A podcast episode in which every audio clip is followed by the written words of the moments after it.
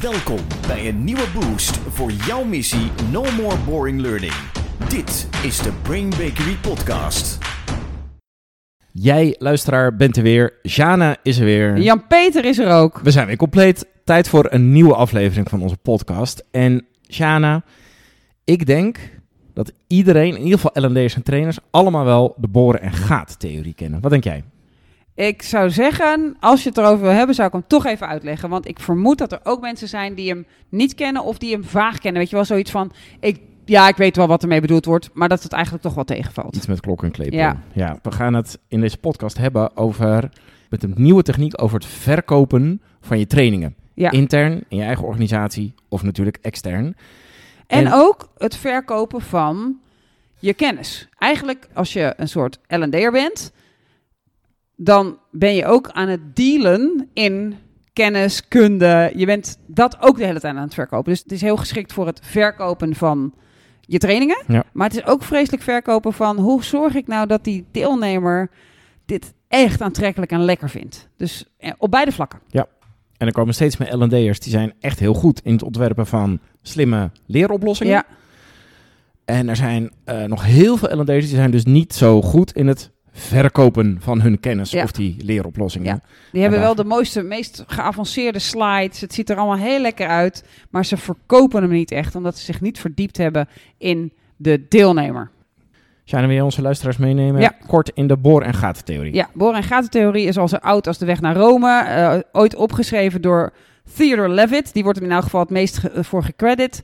Die zei op een gegeven ogenblik... mensen hebben geen zin in een boor... maar ze willen gewoon een gat in de muur. En dat is denk ik een waarheid als een koe. In Nederland is het opgepakt door Jos Burgers. Die heeft daar een aantal boekjes en theorieën aan gewijd. Hartstikke leuk. En die eh, is eigenlijk gaan zeggen... mensen kopen niet jouw training. Mensen kopen wat ze kunnen met jouw training. En daar staan we vaak niet bij stil. Want vaak zeggen we, we hebben een hele mooie training. De training kan dit, net als met een boor. Hè. De boor heeft eh, een batterijpakket en hij heeft een langsturende accu en heeft 16 accessoires. En hij kan vooruit en achteruit of linksom of rechtsom. Dat soort dingen. Eh, ja. eh, Echte boerenverkopers weten nog veel meer. Maar heel vaak, zegt deze theorie, zijn we zo bezig met het omschrijven van hoe aantrekkelijk onze boor is, dat we vergeten dat de ander, die wil helemaal die boor niet, die wil het gat. Ja. Nou, daar zijn wij binnen Brain Bakery een stap verder op gegaan. Wij hebben gezegd, nee, ja, dat gat heeft hij nodig, maar dat is niet waarom die koopt. Hij koopt omdat er dan het schilderij van zijn lievelingstante, tante Geetje, heel mooi hangt. Dus hij koopt om de emotionele reden daarachter. Ja. Dus wij maken er een soort drietrapsraket van. Van je hebt eh, de boor, dat is het product zelf. Dat heeft iemand nodig om functioneel gezien een gat te, te maken. Maar eigenlijk koopt hij omdat dan hij zijn vrouw kan verrassen met een nieuwe badkamer. Omdat hij dan eindelijk zichzelf in de spiegel kan zien. Want die spiegel hangt nou eens een keer goed. Of omdat hij een mooie herinnering aan zijn of haar vakantie in Thailand kan zien aan de muur. Dus dat is waarom ze kopen. En als we op dat level met mensen communiceren. Dus niet op het level van de boor, niet op het level van de gat, maar op het level van wat is de emotionele betekenis Ja. daarachter, dan verkopen we veel meer. Dat is de theorie. Nou, dan is dit de podcast. Als, als wij als Nee, L&D'ers nee. nou... We gaan dus nu een stap verder hier. Oh. Ja, Want jij bent op een plek geweest waar hele intelligente mensen hele intelligente dingen zeggen. ja, En dat is op Harvard. ja. En daar kwamen ze, eh jij kwam echt dol enthousiast mee terug. Ja. En inmiddels deel ik je enthousiasme heel erg. Jij kwam met een nieuwe techniek, hè, nieuwe Ja. theorie. En die willen we natuurlijk gaan Ja. delen. Ja, hij lijkt dus hier heel erg op. Eh, Clay Christensen die heeft hem ook bedacht. En die credit ook die eh, Theodore Levitt. Maar hij gaat wel een stuk verder en hij opent je brein wel Ja. op een hele lekkere manier. En dat doet hij heel fijn aan de hand van een echt vet goed voorbeeld van echte research die ze gedaan hebben bij McDonald's. Juist. Het lijkt me heel lekker om er op die manier in te duiken. Eh, wat vast handig is om te weten is dat eh, Jobs to be done, zo heet de theorie, waar die dus voor zorgt is dat je vanuit, vanuit verschillende perspectieven gaat leren kijken. Nou, hoe werkt het? McDonald's, zo gaat het verhaal, kwam bij Harvard en zei: luister, wij willen meer milkshakes verkopen. Ja. Er zit een goede marge op, willen we meer verkopen. Toen eh, zei eh, Harvard, nou dan gaan we eerst eens even research doen in het veld. We vragen een aantal PhD-studenten om bij allerlei McDonald's te gaan staan. En die gaan daar mensen interviewen. Nou, wat kwam daaruit? Tot hun grote verbazing dat de meeste milkshakes worden verkocht voor half negen 's ochtends in Amerika. Ja, dat was wel Ja. een shocker. Ja, ik heb daar natuurlijk me even van afgevraagd, hey, hoe kan dit? En eh, hoe dat kan is omdat in Amerika milkshake klinkt als gezond. Dus waar wij hier in Nederland en Europa allemaal weten, suiker is, de enemy, is dat daar veel minder gebruikelijk. En klinkt het naar milk, dus klinkt het als gezond. Dus s ochtends vroeg werd het veel verkocht. Toen zijn die PhD-studenten de mensen gaan interviewen die dus de meeste milkshakes kochten. En toen zijn ze gaan kijken, wie zijn dat? Nou, waar ze achter kwamen was dat dat vooral forensen waren, die nog een heel eind in de auto moesten. En die kochten 's ochtends vroeg onderweg naar hun werk, moesten dan anderhalf uur, twee uur, weet ik veel, in de file staan, kochten dan de milkshake. En toen kwam de vraag niet zozeer waarom kopen ze de milkshake, of wat vinden ze er lekker aan, of wat is hun lievelingssmaak, of wat zijn de features van de milkshake. Dus ze gingen niet in op de boor, maar ze gingen op zoek naar, en dat vond ik een hele interessante, voor welke job huurt die forens de milkshake Ja. in? Dat is toch een fantastische vraag Ja, dit. dus die heeft een job die die gedaan wil Ja. krijgen. Wat is die job? En waarvoor huurt hij dan die milkshake in? En straks gaan we ook nog naar kijken. Komt ook de vraag: als de milkshake niet beschikbaar is, wie huurt hij dan in voor diezelfde job? Door het zo te benaderen ga je al heel anders kijken. En die vraag werd dus ook gesteld aan de forensen: waartoe huur jij een milkshake Ja. in? Wat, waar betaal je hem voor? Zijn tijd. En eh, daar kwamen een aantal dingen uit. En die wil ik even met jullie delen. Het eerste wat eruit kwam was dat ze bijna allemaal zeiden: Ik wil iets dat lang duurt. Want ik moet een heel eind in die auto zitten. En ik wil dan een bezigheid hebben. Ja. Ik wil niet weg. Ik wil af en toe zit je, ik weet niet of je dat herkent, zit je te zuigen en dan Ja. komt het niet omhoog omdat Ja. het zo bevroren is. Het duurt gewoon Ja. even. Tweede waar ze hem voor inhuurde was, als ik dan eindelijk na al die uren op mijn werk kom, dan wil ik het gevoel hebben dat ik gewoon tot de lunch door kan. Ik wil wel iets dat mij vult, waardoor Mhm. ik niet meer na een half uur dan Nee. denk, shit, nu ga ik koffie, nu moet ik een koekje, want, want ik, ik ben er dan eindelijk, dan wil ik ook rammen ook. Dus het moet vullen. Derde, waarvan ze zeiden, daar huur ik de milkshake voor in, het kan met één hand. Ach ja. Je zit in die Lekker auto, makkelijk, je ja. bent lekker aan het sturen, je hebt die ene hand, dat rietje, het gaat allemaal goed. En het vierde wat ze zeiden was, ik wil iets dat niet knoeit, want ik heb mijn werkkleding aan, sommigen ook een uniform, sommigen scrubs, en die willen niet dat daar iets op komt. Dus voor vier jobs huur ik de milkshake Ja. Toen gingen dus die PhD-studenten vragen, stel dat je milkshake er nou niet was, wat zou dan een alternatief zijn en waarom zou je hem wel of niet nemen? Dus toen zeiden die mensen terug, nou, een snicker kan ook een alternatief zijn, want die vult heel erg. Ja. Echter, dat is wat lastiger met één hand. En er vallen van die kleine stukjes chocola uit. En dan heb je van die kleine bruine vlekjes Ja, ineens op je kleren. zo herkenbaar. Super herkenbaar. En die krijg je er nooit meer Nee, uit. Of, nee. of in elk geval gedurende de dag Nee. lijkt het alsof je een beetje poep hebt Ja, zitten gewoon. in al op je t-shirt. meetings, Ja, ja. zit je daar met dat snickerding. Ja. Tweede wat ze zeiden was, ja, een donut. Een donut vult ook. Amerika. Ja. Amerika, zoet. En donuts bij het ontbijt is daar volgens mij vrij gebruikelijk. Ja. Alleen, die stop je in je holle kies. Ah, En je krijgt hele vette vingers. En die moet je dan weer gaan afvegen. Ah, ja, ja. En dat is gedoe. ja, in die auto. Ja. Dus het duurt te kort, dus daar voldeed hij niet aan. En het geknoei was er ook. Als derde kwamen ze met een banaan. Ook wat lastiger om eh, met één hand open te krijgen. Kun je hem er nog afbijten, kan nog. Maar het duurt niet lang, die banaan. En je hebt ook zo weer honger. Ah, ja. Ja, Dus ja. voldoet niet. En dan kwamen ze ook nog met de bagel. Nou, ga maar eens een bagel beleggen zonder te knoeien. En al die nootjes die erop zitten, die komen echt overal. Je hele BH zit vol. Ik weet niet of jij je daarin kan verplaatsen. Maar doe maar even een BH om een paar dagen. En doe maar eens wat sesamzaadjes naar beneden. Dan komt ze overal weer tegen. Dus de bagel viel ook af. Ja. Maar werd wel genoemd als... Als ik een ander moet inhuren dan de milkshake, zou dat het alternatief Ja. zijn. Maar dat was dus allemaal niet goed. Dat was dus allemaal niet goed. Nee. Waar ze dus achter kwamen was als dit de job to be done is. En als dit de alternatieven zijn en de redenen waarom ze die liever niet inhuren, wat kunnen wij dan nu doen om te voldoen aan de vraag van McDonald's: verkoop meer milkshakes? Ze hebben daar een paar dingen voor gedaan. Het eerste wat ze gedaan hebben is omdat ze wisten dat het forensen waren die dus de auto uitrennen of in die milkshake Ja. of in die ehm, McDrive er doorheen gaan. Als ze in een locatie zitten zonder McDrive, hebben ze gezegd: we zetten gedurende de ochtenduren die milkshake machine vooraan. En we doen er ook nog een soort scan bij dat je gewoon je pasje er doorheen haalt. Bam. tweede wat ze gedaan hebben, is hebben met name in de ochtend kleine stukjes fruit toegevoegd in de milkshake. Waardoor je ook nog, terwijl je, ze wilden graag dat het lang duurt, dat je af en toe ineens zoiets had van, oeh, oh, een klein stukje. Een Lekker. klein verrassingsdingetje zat Ja. erin. En waardoor er ook wel eens een klein beetje een opstoppingje was. Waardoor het nog langer duurde en je er dus nog langer over deed. Ja. Omdat dat het verlangen van de klant was. Wat goed. En toen ik dit allemaal hoorde, toen dacht ik oprecht... Ik heb nog nooit zo diep nagedacht over een milkshake. Nee.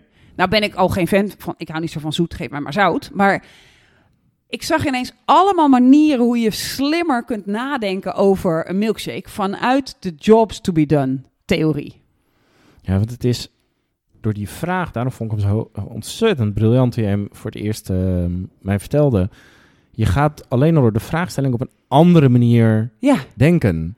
Want waarvoor wil je een training? Ja, ik wil mensen iets leren. ja, Maar waarvoor huur je de training in? ja.